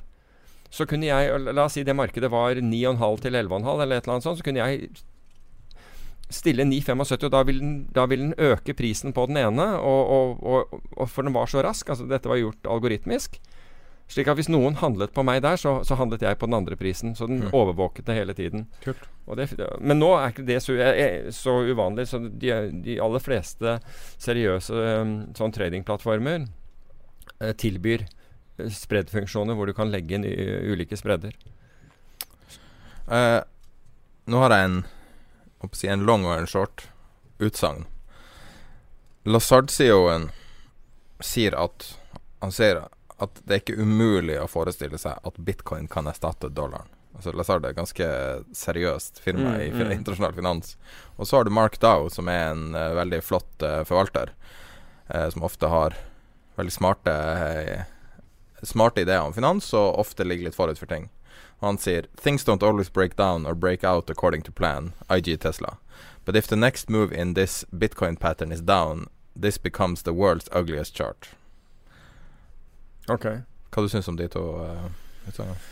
Ja, den ene, altså det, den, den første, så måtte du jo uh, Hva heter det Assign the probability to it. Altså du må knytte en eller annen Sannsynlighet. til, til, til, til, det han sier, og det vet jeg ikke om han er villig til å gjøre. Om liksom han Mener han det der med 1% sannsynlighet eller, eller mindre, eller mener han at det er 20% sannsynlighet? Altså, man skal aldri si aldri om noe. Så at jeg vil jo ikke tro at kryptovaluta overtar, eller i dette tilfellet bitcoin overtar for, for dollaren, men, eh, men at den kan få en større eh, større bet betydning enn den har i dag, det er, nok, det er nok absolutt mulig. Når det gjelder det andre med, med, med chartet, så Jeg gjorde faktisk sammenligningen jeg lurer på om jeg har skrevet en blogg om det også, publisert for Det kan ikke være så veldig lenge siden, hvor jeg gjorde sammenligningen mellom Nasdaq og og bitcoin. Um, utviklingen. Fordi du hadde disse eksponentielle oppgangene ikke sant, i, i begge, som da kulminerte med, med kraftig fall. Og, og jeg husker altså når, da, da, Nasdaq hadde falt, og jeg mente at Nasdaq falt et eller annet sted sånn 75 eller 78% fra, fra toppen altså, Var det den du skrev 28, 29. mai? Ja, det kan, ja, det kan være. Og, og, der har jeg i hvert fall tallene, for jeg, jeg, tok og kikket på det. Men jeg husker hvordan det var når, når Nasdaq var på bunnen. Da var absolutt ingen Altså ingen hadde tro på teknologi i fremtiden. Det var bare tull. Nå skulle man bare inn i verdiaksjer. Man skulle aldri Nå var det selskapet med inntjening som gjaldt, og, og teknologi hadde ingen fremtid for det. ikke sant? Noe, helt klart. Og det minner meg egentlig om Og, du, og bitcoin har vel har, har falt over 70% eller noe sånt fra den, den, den toppen. Altså fra, fra, 20 000 ned til, til, eh, til rett i underkant av 6000. Så ikke helt ulik. Og hva ser du der nede? Jo, da har alle som var positive, de snudde seg til og, og, og var negative. Um, så jeg, jeg syns det er på en måte et case. Altså, men jeg er jo aldri den som er av natur Uh, jeg står aldri med armene i været og, og, og, og skri, skriker 'kjøp' på, på, på, noe topp. Og jeg gjør veldig sjelden si selv på, på, noen bunn heller. Men Ikke at jeg vet hvor bunnen er eller toppen er, for den saks skyld. Men når ting går ut av, ut av proporsjoner, så bakker jeg, uh, bakker jeg av. Men, og det var også årsaken til at jeg kom tilbake igjen inn i krypto og syntes at den hadde en verdi i, i februar når vi snakket sammen. Så, og var villig til å, å, å ta posisjon på det. Så jeg tror ikke at, uh, at krypto Altså Jeg skal ikke kalle det eventyret, fordi det ligger på en måte emosjoner i å kalle det noe sånt noe. Men jeg tror ikke at krypto er, er over på noen som helst måte. Jeg tror, eh, det er, det er, jeg tror både teknologien bak det, altså blockchain, kommer kommer til å utvikles. Um, hvorvidt det er bitcoin som, som, kommer til å lede an i fremtiden, det vet jeg ikke. Eller om, om, det blir en av de andre valutaene. Men det er som alle at du bør jo diversifisere. Um, men, men jeg, for meg så er the jury out på, på dette her, og jeg, jeg ser det som uh, et spennende sted å være. Ja. Uh, bitcoin er 60% Nasdaq var ned 78 Ja, men bitcoin ned fra Hva blir det? Altså, Toppen er fra 60. Ja, det er vel Ja, det er, ja, det er 19 eller noe sånt. Ja, eller ja, du, du, handlet faktisk på noen over 20, og så var du under, under um, Så var du under 6. Jeg bruker DN sin uh, bitcoin-pris. Ok, Jeg aner ikke hvor de får den fra. Jeg tror det er samling av alle. Men uavhengig av det, det er veldig mye ned. Mm. så um, apropos ned. Jeg vet at du ikke følger norske aksjer så mye, men Kester mm. Ja, jeg så overskriften. Halverte i går. Snakk om en tra... Altså, jeg syns det er litt tragisk, egentlig. Nå, nå, har du fått politikere Det er valg i Det er valg i uh, Nei, det er 70 det er 70 ned. Okay, jeg brukte utregninga til det. Nei, de Nei den er feil. Den er, den er over 70 Kødder du? Ja, ja, altså, DN har en sånn overlay, så når du, når ja. du går inn på grafen Det var det jeg tok fra. Nei, ja. Nei, hvis, du, hvis, du, tar et fall Men hør her. Fallet var, fall, fallet var på rett De har et sånn automatisk utregning. Okay, men fallet var på rett over, 40, over 14 000 dollar fra 20 000 dollar. Det er 70 Det er det. Jeg bare brukte D-en sin automatisk. og den sier seg ikke. Men uansett. Mm. Uh, kan redigere. Kanskje hvor den er nå, men Den er hvor den er nå, ja. Ja, ja, nei, jeg, nå snakker jeg om, om, om, det fallet. Altså fra 20 000 ned til Til, til 6007 ish. Nei, den var under 6000. Husker du ikke det? Husker du ikke det der eh, når, vi, når jeg sa at jeg var villig ah, til å ta hvor mye du, så mye som ah. du ville selge under 6000? Eller på 6000 eller lavere? Ja, for jeg får ikke det opp på det lange chartet. Da er det 6-7 ish laveste. Nei, den var, eh, den var under 6. 100% sikkert. Det er ikke så veldig bra chart. Mm. Der, Men uh, uansett, det er veldig mye ned. Og du mm. er like sammenligninga med Nasdaq. Det er det som er viktig her. Tallene ja. er ikke så viktige. Uh, Kister-sjefen hal har halvert formuen sin. Veldig mange har tapt mye penger. Mange uh, På grunn av valg i Canada, eller valg i den regionen mm. der Kister holder til. Så han sier det, nei, nå skal vi Så, så er det sånn en, politiker som skyter fra hofta og skal fjerne eh, muligheten for å drive den type oljeutvinning som de gjør. Fracking. Eh, og så er det noen krav. Altså. Så basically halvparten av verdiene til Kister er borte over natta. Brutalt. Det er forferdelig. Ja, nei, ja, absolutt. Helt utrolig at det går an at de kan gjøre en sånn endring så, så vilkårlig. Ja, det virker det. det ja. Ingen kommer til å investere i den regionen igjen noensinne, hvis det er tilfellet. Nei, du skal aldri si aldri. Altså, jeg, jeg, ser, jeg, har sett sånne ting før, og, og, investeringslysten kommer faktisk tilbake igjen når, hvis de bare investorene blir grådige nok på, på, på mulighetene. Men, men, ja, altså, du kan si at når du er et lite oljeselskap som, som, som dette her er, så er det jo ikke så sier det seg selv at det er vanskelig å være diversifisert over masse, mange områder. Det, ikke sant? Du, du har du har ditt område hvor du, har, hvor du, mener selv at du har gjort grundig research, og det har de sikkert gjort også, og funnet, uh, funnet en mulighet, og så plutselig Ja, det er, det er, helt brutalt. Det er helt brutalt. Men uh, Altså, du har lokale ting som er, er brutale, som ikke er børsnotert også, men altså, det er når, ja, når, når, det plutselig kommer inn en ny byregjering, eller hva de kaller det, i Oslo, og stenger ned masse veier. Altså, du har, du har familie, familierestauranter, altså familieeide restauranter, som plutselig mister næringsgrunnlaget sitt nesten over natt. Ja, det, er det, er ikke verdt noe. Altså, det, folk kommer ikke der lenger. Nei, altså, du kan si at altså, Jeg syns jo at det det er, hyggelig at miljøet blir bedre, og jeg skjønner at du, du trenger å gjøre noen radikale tiltak for det. Og jeg tror de har fått mye trafikk ut av sentrum, og ære være dem for det, fordi mye var helt sikkert unødvendig. Men det er noen som betaler ekstremt dyrt for dette her. Ja. Det er ikke meg ved, ved at, jeg, at, jeg, tar ferge eller buss isteden, men det er nettopp disse eh, som har restauranter og, og, og, firmaer som plutselig opplever at nå, nå kommer ingen lenger. Nei. Og de blir ikke kompensert. Det der at du har flyttet blomsterpotter der hvor det var parkeringsplasser, det, det, det gjør ikke dem noe godt. Så jeg syns det er eh, Altså jeg, men selvfølgelig cost of doing Altså det er risk of doing business. Ja, og det samme er det i dette tilfellet med, med Kester. Altså det er the risk ja. of doing business. Og i dette tilfellet, så, så hvert fall hvis det jeg leste var riktig, så, så sitter Uh, hovedeieren og uh, administrerende direktør, jeg vet ikke om han er hovedeier, men han, han, taper veldig på dette. Så han har masse skin in the game uh, selv i dette her. Ja, altså for han er jo, er jo, ekstra tragisk. ikke sant? Du har jobbet hardt med dette her, og i tillegg så, så ryker store deler av, av familieøkonomien din, din, på det. Men, men altså, han skal jo få kred for det der at han, han var investert i det han trodde på, ikke sant? og ikke fikk andre til å investere i noe som han trodde på, men han hadde pengene sine et annet sted, ja. som du ofte ser. Um, men det er helt forferdelig. Ja, altså, ja. Forferdelig for aksjonærene også. Men skal vi tro uh, Aksjespareforeningen, så, så er jo, har noen sittet med aksjer i lenger enn fem minutter, så har de aldri tatt penger. Ja, de pleide å si at uh, i ti år eller noe sånt, men det er jo blitt kortere og kortere og kortere. Så. Jeg tror jeg så en statistikk på den en dag, at on average, hvis du tar virkelig strekk grafen langt tilbake i tid. Mm. Så hvis du sitter i 20 år, så var det ut fra deres uh, beregningsgrunnlag Jeg skal ta vare på det. Så var det 0% som hadde tapt altså Jeg tror hvis du investerte bredt Mm. Prosent tap. Ja, og, og, og, det er selvfølgelig uh, Det spørs om det er 20 år fram i tid. Be, betinget av at du, at du investerer bredt. Ja. Men det du ofte ser, det er at etter, i, i, oppgangsperioder så begynner man å korte ned på den der tidshorisonten. Fordi alle? Så, så det er ikke så du skal ikke ha 20 års tidshorisont. Nå skal du plutselig ha 10, så skal du ha 5. Og så får du nesten inntrykk av at det er jo ingen som har hatt aksjer i mer enn noen minutter, som, som har, har, noen gang har tatt penger. Og det er jo ikke sånn det er. Men, uh, og, og, det er litt viktig at, at, folk har den rette tidshorisonten på investeringene sine. De samme folkene som tenker i 20-årsperspektiv, hadde vel også General Electric i sin portefølje. Ja. Uh, hadde ikke du noen Fikk ikke du noen spørsmål fra noen om Deutsche Bank? Vanlige folk som hadde det, hvis jeg husker.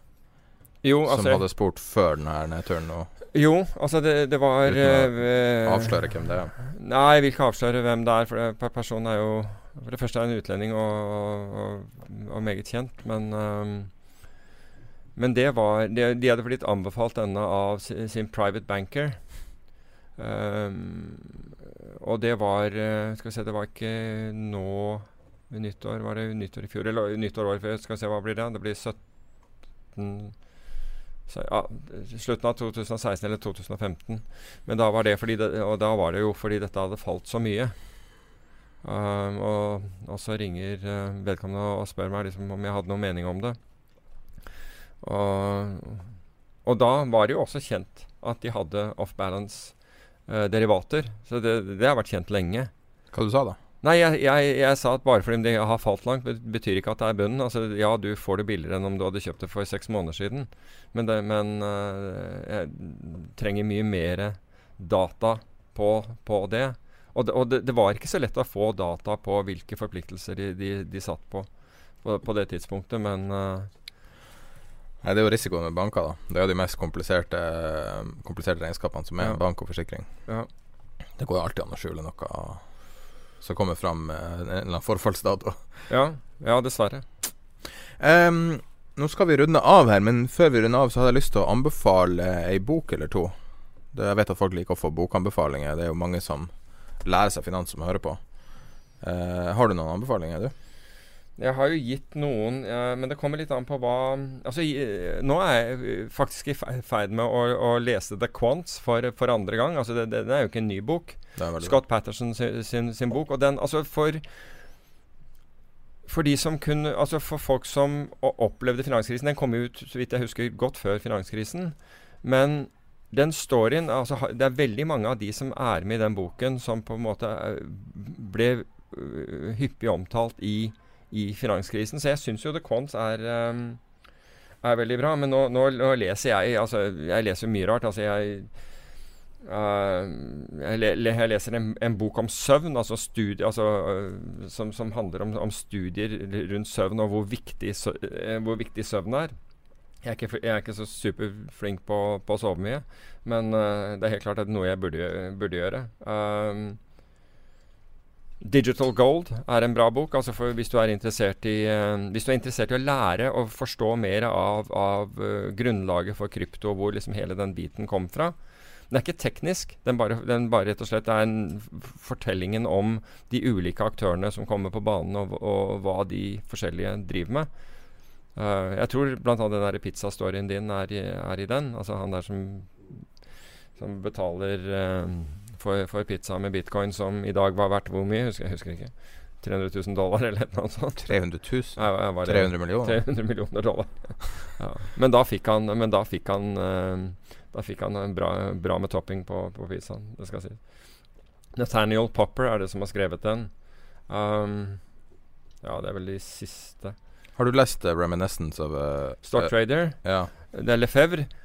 Jeg tror det har kommet en ny utgave med Jeg vet at Paul Tudor Jones skrev et forord. Å oh, ja, men er ikke, det, er ikke Lefebvre som skrev den jo, i sin tid? Men den forordet altså, av Paul Tudor Jones. Nei, unnskyld, jeg har skrevet den. Jeg har, eh, jeg har, lest den, men det er veldig veldig mange år Men Er ikke det The Jesse Livermore-story? Ja. Men han er, han, blir, altså, han er veldig, veldig forsiktig anonymisert. Okay. Men det, han, eh, det som er kult, er at han forteller Jeg husker, eh, Nå er det en stund siden jeg leste den, og jeg tenkte jeg skulle lese den på nytt igjen.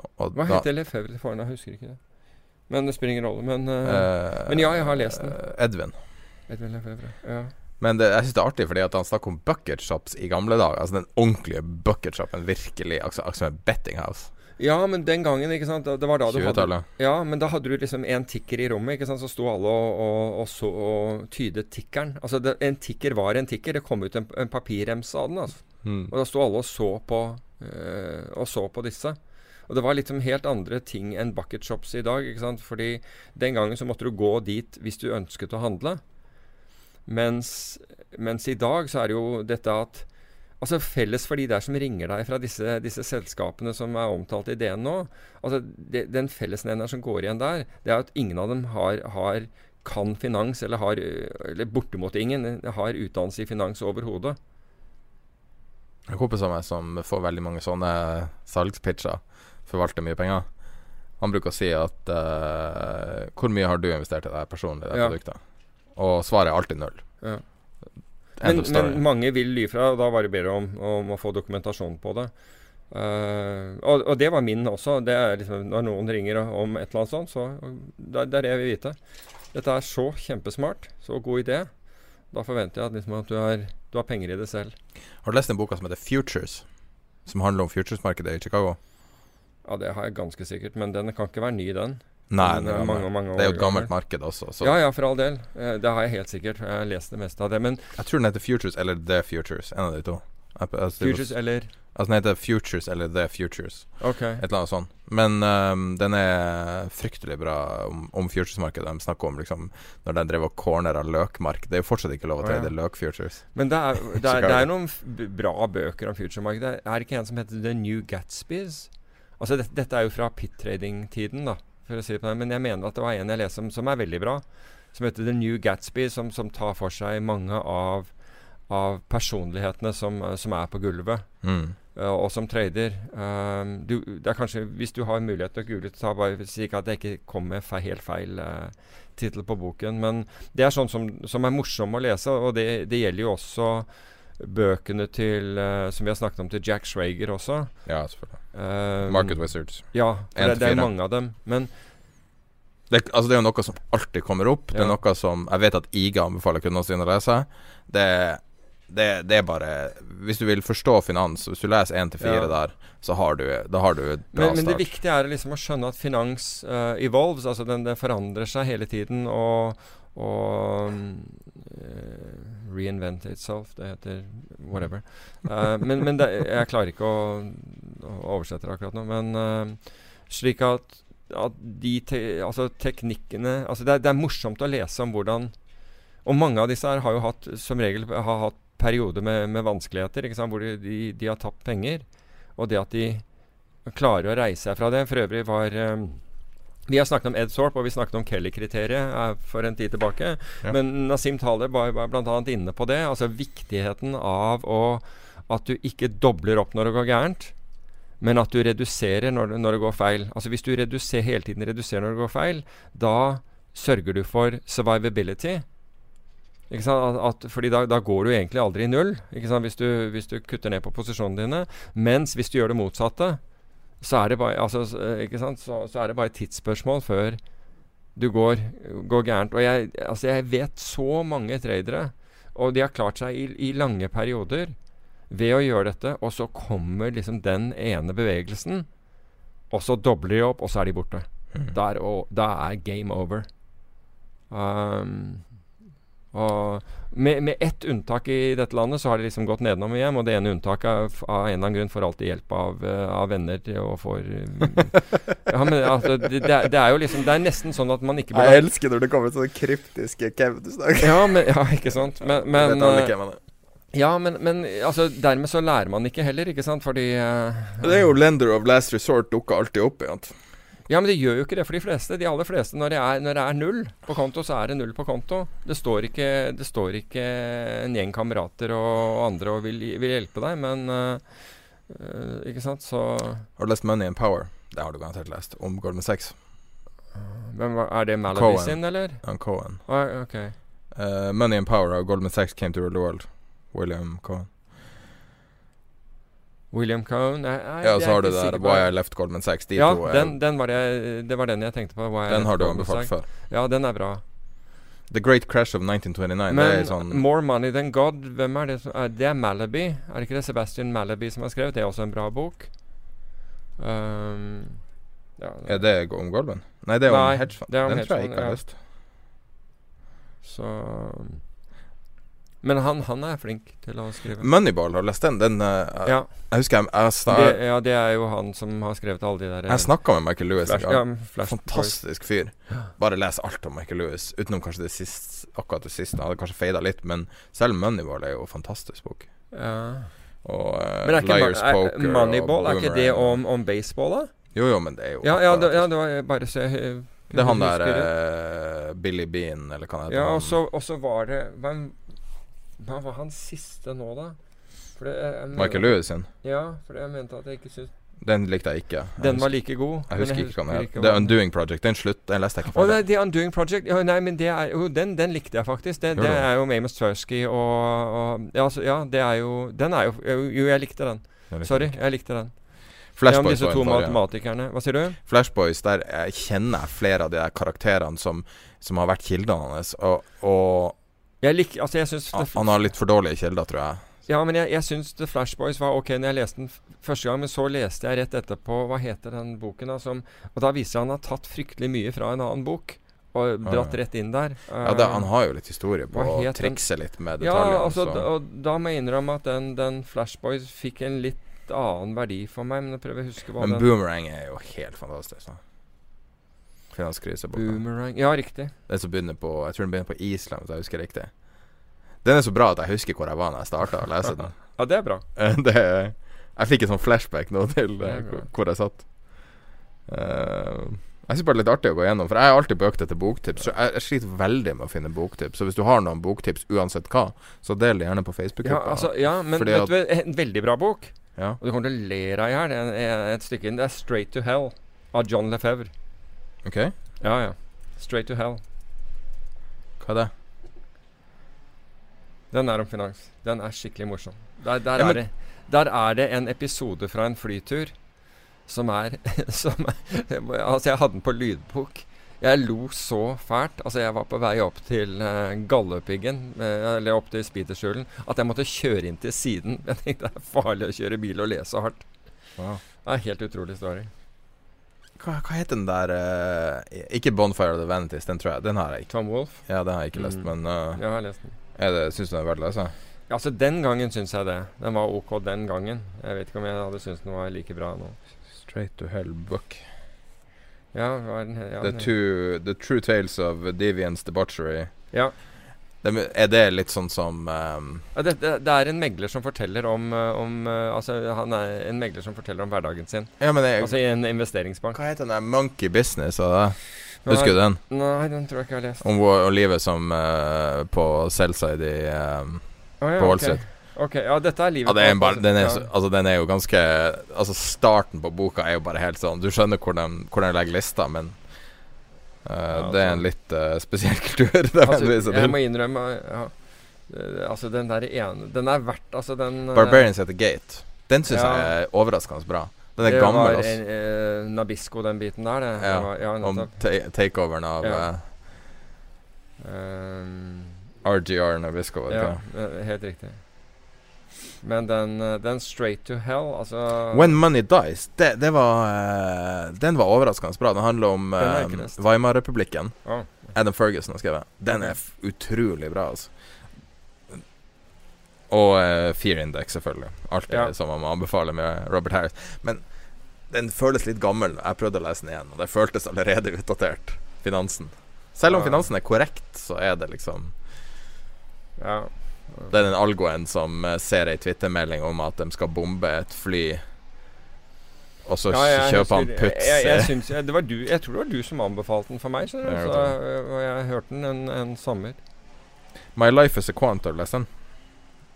du Derman. Er Derman, Derman. Ja, ja, jeg har den. The Futures var det, det var den boka. Det er Emily Lambert. Mm. Er overraskende bra, og, og det er et sånt marked som man ikke tenker så mye. Man har jo aldri hørt om futuresmarkedet i Norge før nå, liksom. Det har, jo- det har jo vært et veldig spesielt marked i Chicago, egentlig. Ja, ja, det var kjempestort. cowboy, ja. Ja, men det er et kjempestort marked, ikke sant, med, med fullt av pit-tradere som, som ha, alle hadde en edge. Og edgen var at de, at de Husk på, future trading i pitten. Altså Hvorfor klarte ikke pit-traderne seg når, når, det, når markedet ble elektronisk? Det var Årsaken var at, at de rett og slett frontrønna ordre. Fordi du måtte signalisere ordrene dine ned til din mann i, på gulvet. Det ble gjort med håndsignaler. Og Så disse pit-traderne de visste hvor telefonene til de store meglerhusene var. altså Fordi de var rett i utkanten av pitten. Og støyen var sånn på pitten at du kunne ikke høre, en, høre når noen ringte. Så det, så det blinket lys over den telefonen. Så ut som et blålys. ikke sant? Og så ville, når, når lyset kom på, så ville da han ø, ordremegleren han ville løpe til den der telefonen. Og da sto f.eks. hvis det var Goldman sin, da, eller Shearson Lehman eller en av disse her som var betydningsfulle, så ville hele pitten stå og følge med på, på, på den personen, som da løfta røret. Og hvis han så ut som han holdt på å sovne, så var det jo liksom ikke noe. Da var det jo da var det iallfall ikke noe ordre. Men hvis han plutselig liksom du så hele fyren skvette og i desperasjon ville begynne å se etter sin mann i, em, på gulvet. Da sto hele ulveflokken klar, og det eneste de var ute etter da, det var om håndflaten hans kom mot dem eller fra dem. Hvis, da, hvis, hvis, hvis håndflaten gikk mot dem, så betød det at, at det var en salgsordre. Hvis håndflaten var mot han som, som ropte, eller han som, eh, som sto der med telefonen, så var det kjøp. Og med en gang, altså de, de leste jo liksom fysiologien til denne personen. Oi, her skjer det noe. Nå kommer det et eller annet. Så bare fulgte de med. Og i det øyeblikket den håndflaten kom utover, så skrek de selv før liksom var de på. Og sånn var det de tjente pengene sine. Så det var ikke det at de var liksom gode på Altså gode tradere, på en måte. De, satt med, de, de, de fikk informasjonen bitte grann før andre og bare hev seg på. Men da sier vi takk for oss, og eh, vi skal avslutte med en samtale med Erik Hansen fra IG Markets. Det er mulig å belåne posisjonene hos IG Markets ganske betydelig. Eh, hvor mye kan Det er det man kaller giring. Hvor, mye kan man gire? Og hvordan gir du kundene dine råd i forhold til å liksom, forholde seg til det her? Det er et veldig mektig verktøy å kunne belåne en, en finansiell posisjon. Ja, når det handler CFD så og Sigros så, så är det en innbygd belåning i produkten. Och eh, marginkravet varierer varierar beroende på hvilket papper det handler.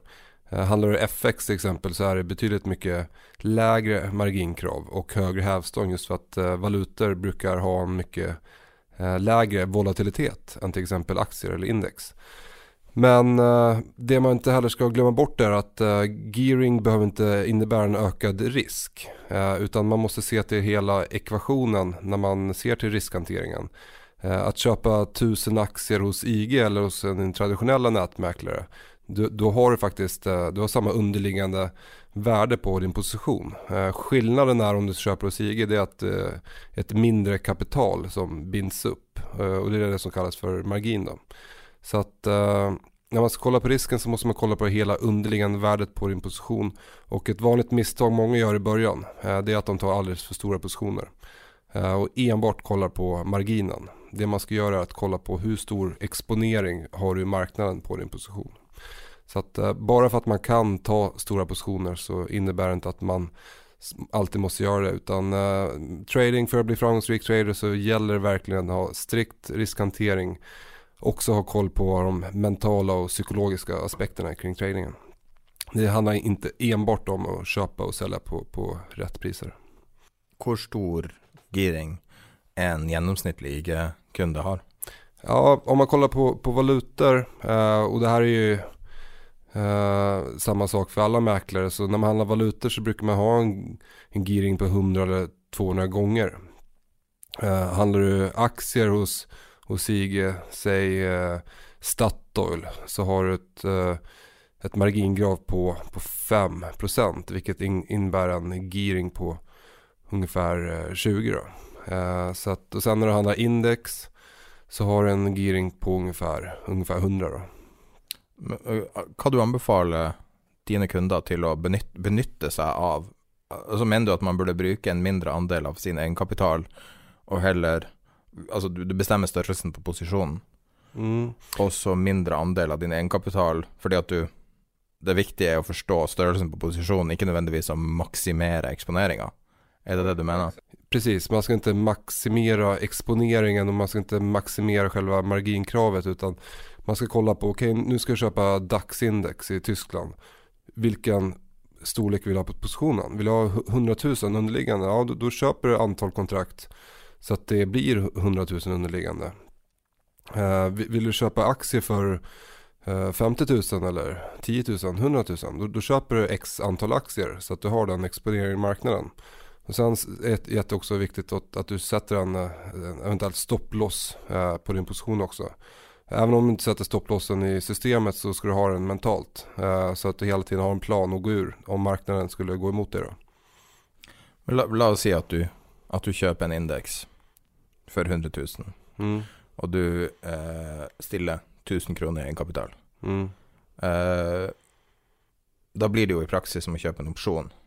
Altså opsjonspris Du kan tape 1000 hvis du setter en, en garantert stopplås mm. omtrent på 1% ned.